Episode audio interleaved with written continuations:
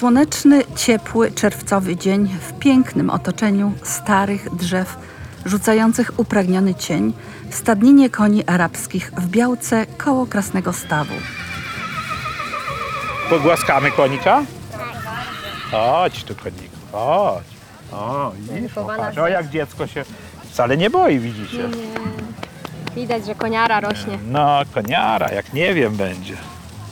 O, i konik, widzisz, o, to są roczniaki i pokazywane są w tej chwili roczniaki, nie? A są małe koniki? To to są małe koniki. Pan Mariusz Gołębiowski, właściciel koni małopolskich, Arabów i Folblutów, jest tu z wnuczką. To radość wielka patrzeć na tak piękne okazy. No. Co widzimy? widzimy konie przygotowujące się do pokazu. Tutaj jest tak zwana rozprężalnia i te konie po kolei wchodzą później do pokazu. Pokaz jest oceniany przez e, sędziów i jest robiona punktacja. Punktacja jest e, czterotorowa. Typ jest oceniany, jest oceniana kłoda, ruch wstępie i są oceniane nogi. Zostawiamy za murami stajni czempionat koni rasy małopolskiej, by przyjrzeć się z bliska tym cudom natury, szlachcicom wśród wszystkich ras, Arabom. W bryczesach jeździeckich, oficerkach, eleganckiej marynarce po stajni oprowadza mnie pan z sarmackim wąsem, Krzysztof Pietrzak, długoletni pracownik Związku Hodowców Koni i częsty bywalec stadniny w Białce. źrebię maści gniadej. Może spróbuję wejść do tego konika. I tutaj są nazwy koni, prawda? Za chwilę dowiem się, jak rozpoznać szlachetną rasę konia. I to już jest klaczka i jej rodowód. Chodź, chodź, chodź, chodź, chodź, chodź, chodź, chodź, chodź. I tu znak stadniny. To akurat stadnina koni w Janowie Podlaskim. Znana w całej Polsce, gdzie w 1817 roku przez cara została utworzona, żeby produkować konie pod kątem użytkowania wierzchowego. Tak. Wędruj sobie, wędruj, tak. Prawidłowo zbudowana klacz. Konie tej rasy powinni się charakteryzować długą szyją, wydatnym kłębem tutaj, prawda? Suchością tkanki. Tutaj nie ma żadnych szczotek. Daj nóżkę. Daj, daj, daj. Proszę. Bo u koni często w stawach pęcinowych, postawy pęcinowe to są, daj, stój, stój, spokojnie, spokojnie. I na przedniej nodze, i na tylnej nodze. I tu wyrastają włosy u koni mniej szlachetnych. A tu nie ma nic. Tak. A tylną nóżkę też podajesz? Podajesz? Proszę uważaj, bo nieraz może kopnąć. Daj nóżkę, daj, daj. O tak, dobrze.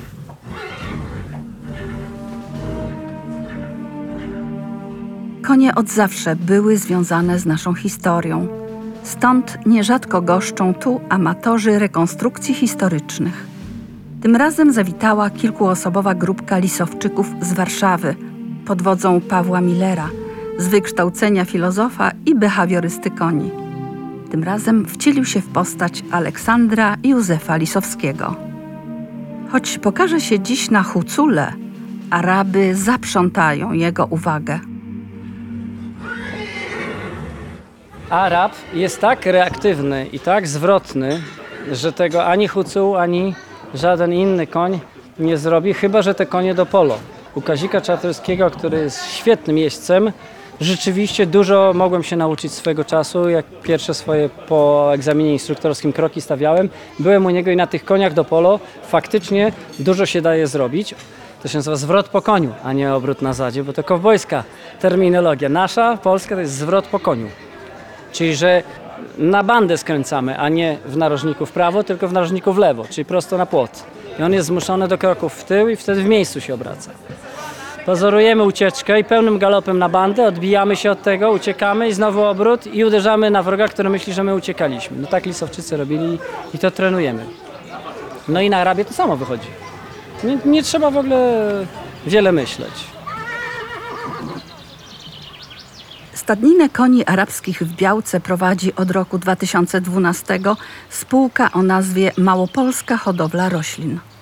W otoczeniu majestatycznych, rozłożystych dębów korkowych, orzechów kanadyjskich i innych przepięknych, starych drzew, na tarasie zabytkowego budynku z białego kamienia, gdzie mieszczą się biura, przysiadłam z zastępcą dyrektora w zamojskim oddziale spółki, panią Agnieszką Dudek. Do niedawna głównie tutaj w Białce, w tym miejscu, gdzie jesteśmy, utrzymywane były y, ogiery, które służyły jako reproduktory y, w okolicznych wsiach, miejscowościach, aby na bazie tych lokalnych klaczy, bo zawsze na terenie Lubelszczyzny były utrzymywane głównie konie ras szlachetnych, konie takie dosyć lekkie, finazyjne. I te ogiery białeckie służyły poprawie tego rodzimego pogłowia i produkcji mm, koni przede wszystkim dla Wojska Polskiego, więc tutaj z tych terenów lubelskiego e, sporo koni remontowych trafiało właśnie do naszej armii. Oczywiście to były czasy jeszcze przed II wojną światową, ewentualnie krótko po niej jeszcze to stado dosyć mocno tu działało. W każdej z czterech stajni stały ogiery, stajnie były podzielone maściami, w jednej siwe, w drugiej gniade, także pięknie to wyglądało. Ja już niestety nie mogę tego powiedzieć, bo pamiętam jedynie czasy, gdzie ogiery były utrzymywane w dwóch stajniach, natomiast pozostałych dwóch stały konie czystej krwi arabskiej. W tym momencie mamy już tych ogierów raz półkrwi e, nie za dużo, ale niedawno e, spółka nabyła młodego ogiera małopolskiego, ogiera e, dworek, który już będzie jak najbardziej mógł kryć klacze w przyszłym sezonie kopulacyjnym. Piękny ogier, myślę, że będzie dzisiaj też prezentowany tutaj hodowcom tej rasy. Historia zawsze się przeplata z naszym rejonem. Grupy rekonstrukcyjne, pasjonaci, miłośnicy historii, którzy też y, kochają konie, czasem zatrzymują się chociażby na terenie e, stadniny koni, y, mają popas. i oceny ogiera z numerem, numerem 9 w galopie Jedno kółko zrób wstępie i to potem sędziowie powiedzą, żeby puścić konia. dynamiki jeszcze Dobry.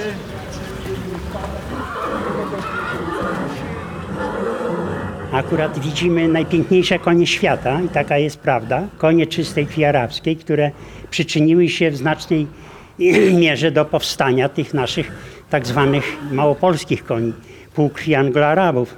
Stado ogierów w Białce powstało w 1930 roku i zgromadzone ogiery miały kryć klacze okolicznych rolników i hodowców, ażeby zwiększać tą siłę roboczą, bo wiadomo, że takiej mechanizacji nie było w tamtych czasie jak teraz. Tutaj mm, maksymalnie można było pomieścić koło 200 ogierów, po 50 się liczyło na stajnie i w każdej stajni były maście. W pierwszej stajni, jak wjeżdżamy do stada, to były konie, ja to doskonale pamiętam, maści kasztanowatej. W drugiej gniade.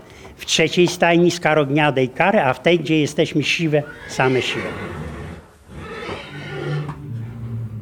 Przywołujemy wiek XVII, bo z powodu zapowiadanych lisowczyków aż z Łukowa przyjechała tu archeolożka Małgorzata Szczygielska.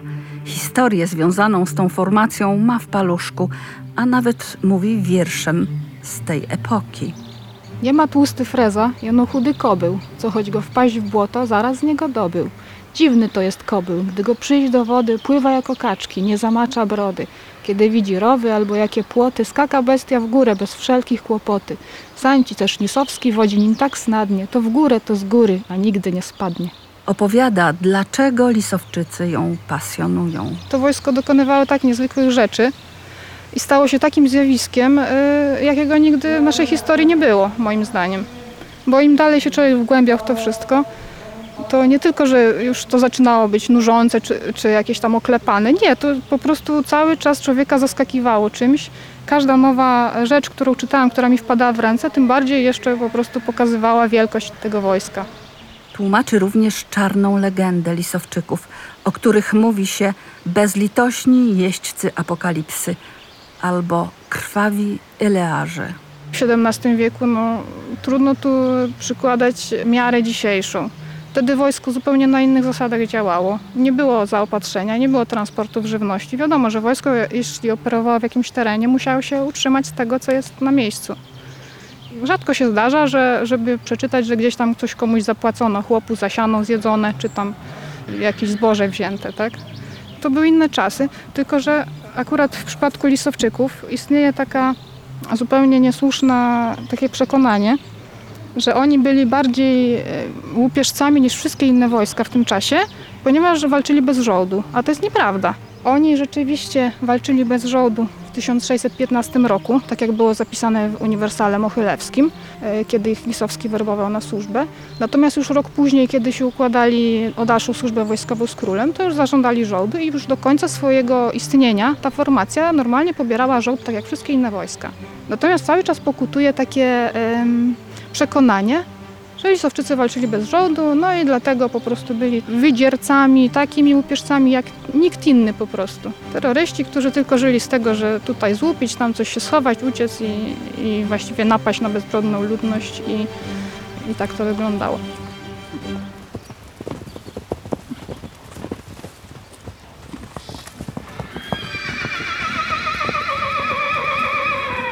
Przekręcamy wehikuł czasu i już jesteśmy z powrotem na pokazach młodych koni małopolskich.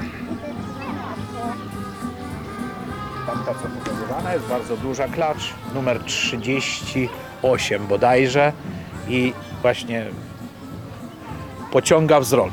Dziadek, idę do namiotu. roczniaczka właśnie opuściła ring. A to znaczy, że możemy W podać jej klaczach wyniki. rocznych kończy się już ta klasa, będą teraz ogierki roczne i później, później coraz dalej dwuletnie konie, też klacze, później ogierki i później trzylatki. Później, jut, a jutro będą oceniane e, w skokach luzem, to czyli tam e, luzem, czyli bez jeźdźca. 8,5.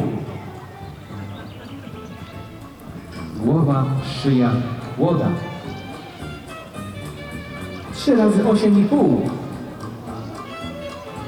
O, mamy wysoką punktację do tej klaczy, o której żeśmy rozmawiali, numer 38. Nogi i kopyta. Nogi i kopyta zaraz zobaczymy. Po 7,5 to jest na, na nogi bardzo y, dobra ocena.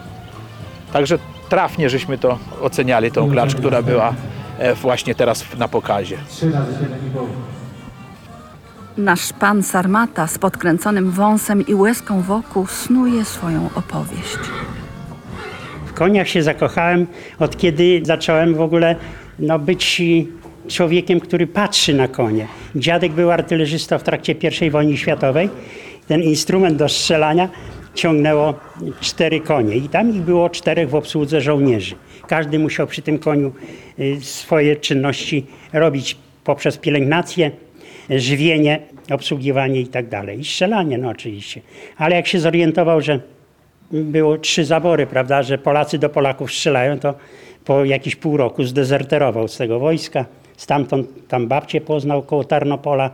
Jak ja się urodziłem, to już był koń. I dziadek mnie podsadził kiedyś. Dzięki jego pomocy po podwórku jeździłem, a potem już jak byłem 4-5-letni, to już sobie sam radę dawałem. Aby za grzywę, to już siedziałem na tym koniu i jeździłem po terenie i tak to wyszło. I kto by pomyślał, że do Białki przyjechał pierwszy raz, ho, ho, ho, przed laty, by tylko pojeździć na traktorze i zaliczyć praktyki studenckie na rolniczej uczelni. A u pani Małgosi jak to było z tą pasją? W szkole się nigdy historią za bardzo nie interesowałam. Raczej się nastawiałam na to, że będę w życiu leśnikiem. Bardziej mnie interesuje chodzenie po terenie, jakaś konkretna praca niż, niż siedzenie w archiwach. Natomiast wpadł mi kiedyś w ręce zupełnie przypadkiem, jeszcze w czasach szkolnych właśnie. Jeden z numerów e, mówił wieki i tam był e, zamieszczony list, jaki przesłał Aleksander Józef Lisowski do kanclerza Lwasa Piechy z roku 1616, w którym on opisywał swój rajd, jaki przeprowadził rok wcześniej na zlecenie hetmana Chodkiewicza, rajd wokół Moskwy.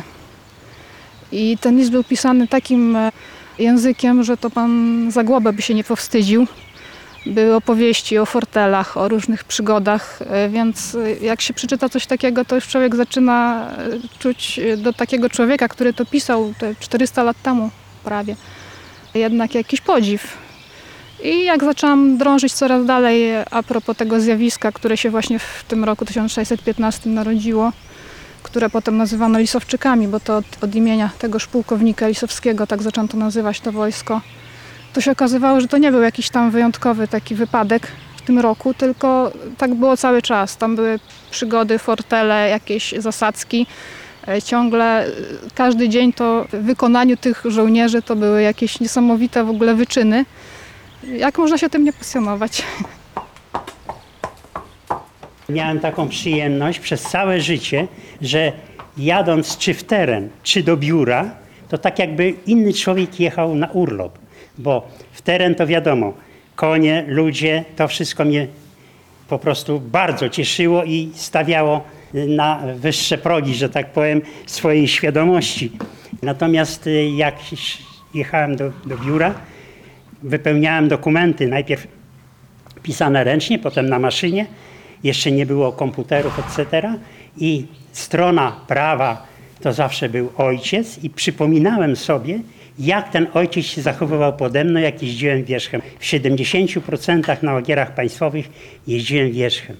Trzeba pracować nad koniem i jeśli się koło niego chodzi od momentu e, wyźrebienia, to z tym koniem można bardzo dużo zrobić. Ja akurat y, pracując jako inspektor Lubelskiego Związku Hodowców Koni, oceniając konie w terenie, miałem tych koni bardzo dużo. Niezależnie od tego jeszcze trzymałem dwie klacze, które obsługiwali hodowcy, ja im za to płaciłem.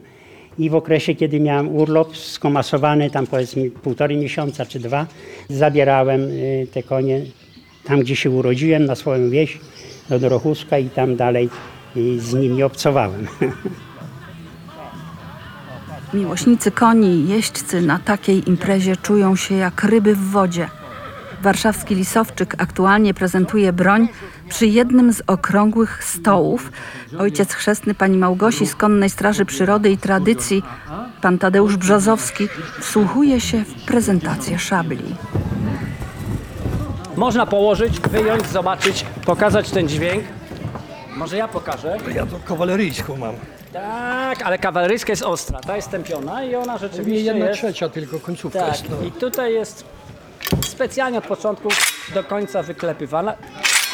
Bo od stowarzyszenia te łańskie, no niestety z ostrymi jeżdżą, a my mamy po to tępione, że jak ja zaplanuję tą sz- szklankę stłuc, to nie, nie będę ścinał tych kwiatów i my to trenujemy. Mamy treningi normalnie, tak, i lejemy się tym. Także oczywiście. Tylko wie pan, że pan nie przeszedł czterech lat treningu, więc żeby pan tam tej szklanki jednak nie... Bardzo dobra turniejowa szabla, lekka, Według oryginału Mhm. tak zrobione. Chociaż tam różne pewnie były. Ależ proszę tu mówić, bo ja na tą koszulkę patrzę cały czas. Pani Małgosia ma na sobie bluzkę z Lisowskim. Tle palonej wioski. Tle palonej wioski, tak. To pani jeździ konno na pewno, tak? No kiedyś jeździłam. Ale to co tam, łuk, czy szabla, czy, czy skoki, czy... Jazda generalna. No, bo jak ktoś nie umie szablą, to mamy pistolety. Zaraz tu przyniosę, jak rąbniemy, to te wszystkie konie tu pouciekają. Kiedyś. Tak, mamy czarny proch, także to jest najtrudniejsze właśnie, strzelać z pistoletów. Tak, ale z Arabów strzelamy. Tak. Ja mam 10 Arabów i sobie radzę z tym. Przede wszystkim Lisowczyków dobrze się rekonstruuje z tego powodu, że to było wojsko bardzo lekkie. To był e, taki rodzaj wojska, który został właśnie wymyślony przez hetmana Chodkiewicza na potrzeby takiej wojny podjazdowej, który nie miał praktycznie uzbrojenia ochronnego. Czyli wystarczy, że taki rekonstruktor sprawi sobie konia, żupan, jakąś szablę i już może robić za Lisowczyka. Nie trzeba tu się starać o jakieś szyszaki, pancerze. Stąd jest to fajne do rekonstruowania. Natomiast jeśli chodzi o takie zainteresowanie tym wojskiem, to przede wszystkim właśnie chodziło o to, że to wojsko było niesamowicie groźne w swoich czasach, dużo bardziej niż to by wynikało z ich uzbrojenia. Przemieszczało się bardzo szybko, zjawiało się niespodziewanie w miejscach, gdzie ludzie w ogóle nie byli przygotowani na, na ich nadejście. A dodatkowo byli bardzo waleczni. To było wojsko, które nie odmawiało pójścia do bitwy. Czasem zdarzało się, że husaria odmawiała. Jeżeli widziała, że nie ma szans, lisowczycy nie odmawiali nigdy. Tak było w bitwie pod Gniewem, kiedy już sam król jeździł między szeregami, zachęcał husarię, ogólnie wojsko e, do ataku. Husaria już, już morale siadło w tym momencie, upadł duch po prostu zupełnie i już nie chcieli atakować po raz kolejny tych plujących ogniem szeregów szwedzkich, a Lisowczycy poszli. Oni ponosili ogromne straty w bitwach, ponieważ e, nie byli chronieni praktycznie w żaden sposób przed ogniem, na przykład broni palnej, ale to ich nie zniechęcało. E, Mimo, że tam straty były zawsze dużo większe niż w innych e, rodzajach broni. Pułkownicy w tej pierwszej fazie historii Lisowczyków praktycznie co roku się zmieniali, bo każdy ginął. I ta odwaga wręcz straczeńcza to jest coś, co inspirowało potem wielu, wielu ludzi, zwłaszcza to e, widać było w XIX wieku, kiedy wielu malarzy się pasjonowało legendą Lisowczyków. E, Malował ich Kossak, malował ich Józef Brandt. Na bardzo wielu obrazach Brandta mamy pochody Lisowczyków, mamy Lisowczyków w boju. No to była legenda, która miała swoją malowniczość.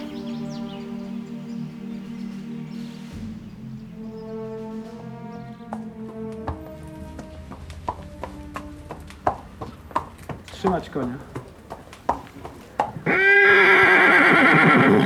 O, próba dźwięku tutaj była właśnie. Czy hucuły białeckie szerżą nam te małopolskie? Zaraz sprawdzimy. Przybywam do grodu waszego z orędziem danym in fundamento listu przepowiedniego na twarde i niebezpieczne posługi. Woła nas ojczyzna. W orężu i odwadze cały nasz żołd, cała nagroda. Pewniejsze one będą niż zawodne publicznego skarbu zapłaty. Niepospolitej ja od was żądam odwagi. Jeśli kto Jeden nie uderzy na pięciu. Niech do szeregów naszych nie dąży. Nie wymagam ja po was gładkich w szyku obrotów. Ino natrzeć zuchwale. Kiedy potrzeba, rozsypać się, zmylić ucieczkę i znów się odwrócić i nieprzyjaciela obskoczyć. To dzieło nasze, Lisowczyków. Oryginalny tekst orędzia Lisowskiego, odczytany w Wilnie przed wyprawą moskiewską, posłużył nam dzisiaj tylko ku temu, aby tutaj zgromadzonych jeźdźców werbować do produkcji filmowej, którą zamierzamy o Lisowczykach wspólnie z zaprzyjaźnioną telewizją zrealizować. Ma to być co najmniej 12 odcinków. Dlatego jeśli są tu jeźdźcy, jeśli są tu wielbiciele, a przede wszystkim ludzie, którzy chcieliby promować konia, nie tylko konia arabskiego, koń małopolski. Hucuł to też koń polski, na którym tu siedzę. Ten jest białecki, ale trzeba pamiętać, że z Karpat one tu przybyły, które od Kazimierza Wielkiego jednak były w Polsce, te Karpaty.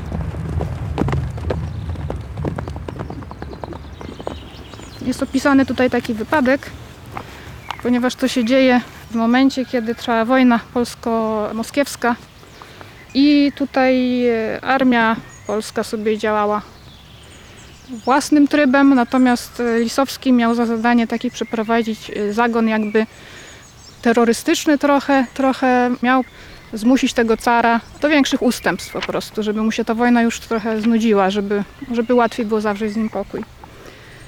No i Lisowski zabrał ludzi luźnych tak zwanych, którzy tam chcieliby służyć u niego i wyruszył z nimi takim szlakiem wokół Moskwy, mniej więcej w odległości 200 km wokół stolicy państwa. I ponieważ to była taka zbieranina, tam było coś około 400 szabel, niewielki bardzo oddziałek w porównaniu z całą armią. Car wysyłał przeciwko niemu co chwilę jakieś nowe wojska, ale one ponosiły sromotne porażki.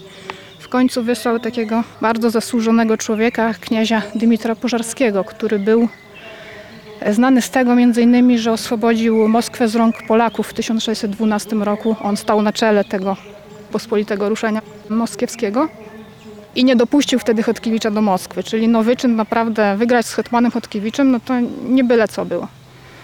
I takiego zasłużonego wodza tutaj wysłano do zwalczania takiego podjazdu, można powiedzieć.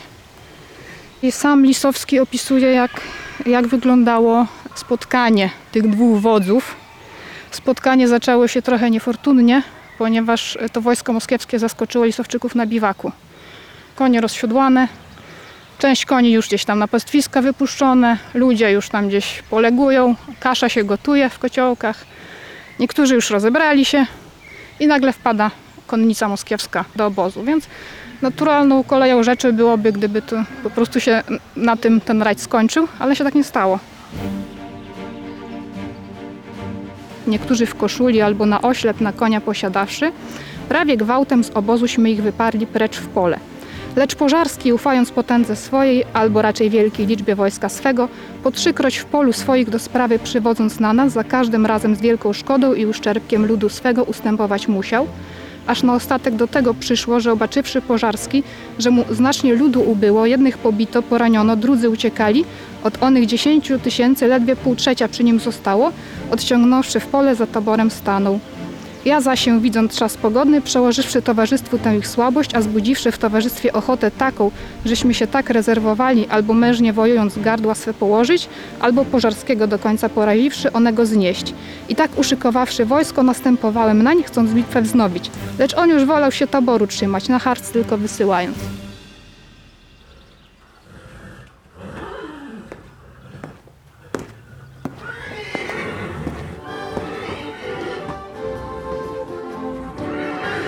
Tak oto dzień spędzony w Białce dla jednych był imprezą jakże ważną, końską, a dla innych inspiracją do nauki nieznanych wątków historii, uwiecznionych w obrazach Józefa Branta, Juliusza Kossaka i Rembrandta. Wśród wręczających nagrody dla zwycięskich koni zauważyłam z oddali poznanego wcześniej starszego pana z sumiastym wąsem, w jeździeckich oficerkach i w postawie wyprostowanej, jak na jeźdźca przystało. Historycznie rzecz biorąc, elegancja wśród jeźdźców i koniarzy obowiązywała zawsze. I tak jest do dziś. I zapraszamy do wręczenia nagrody dla naszego pierwszego tegorocznego czempiona, czyli roczniaka Emanuel AA, wyhodowanego i stanowiącego własność stadniny koni w Janowie Podlaskim. Jest to ogier po Laurier od Emblema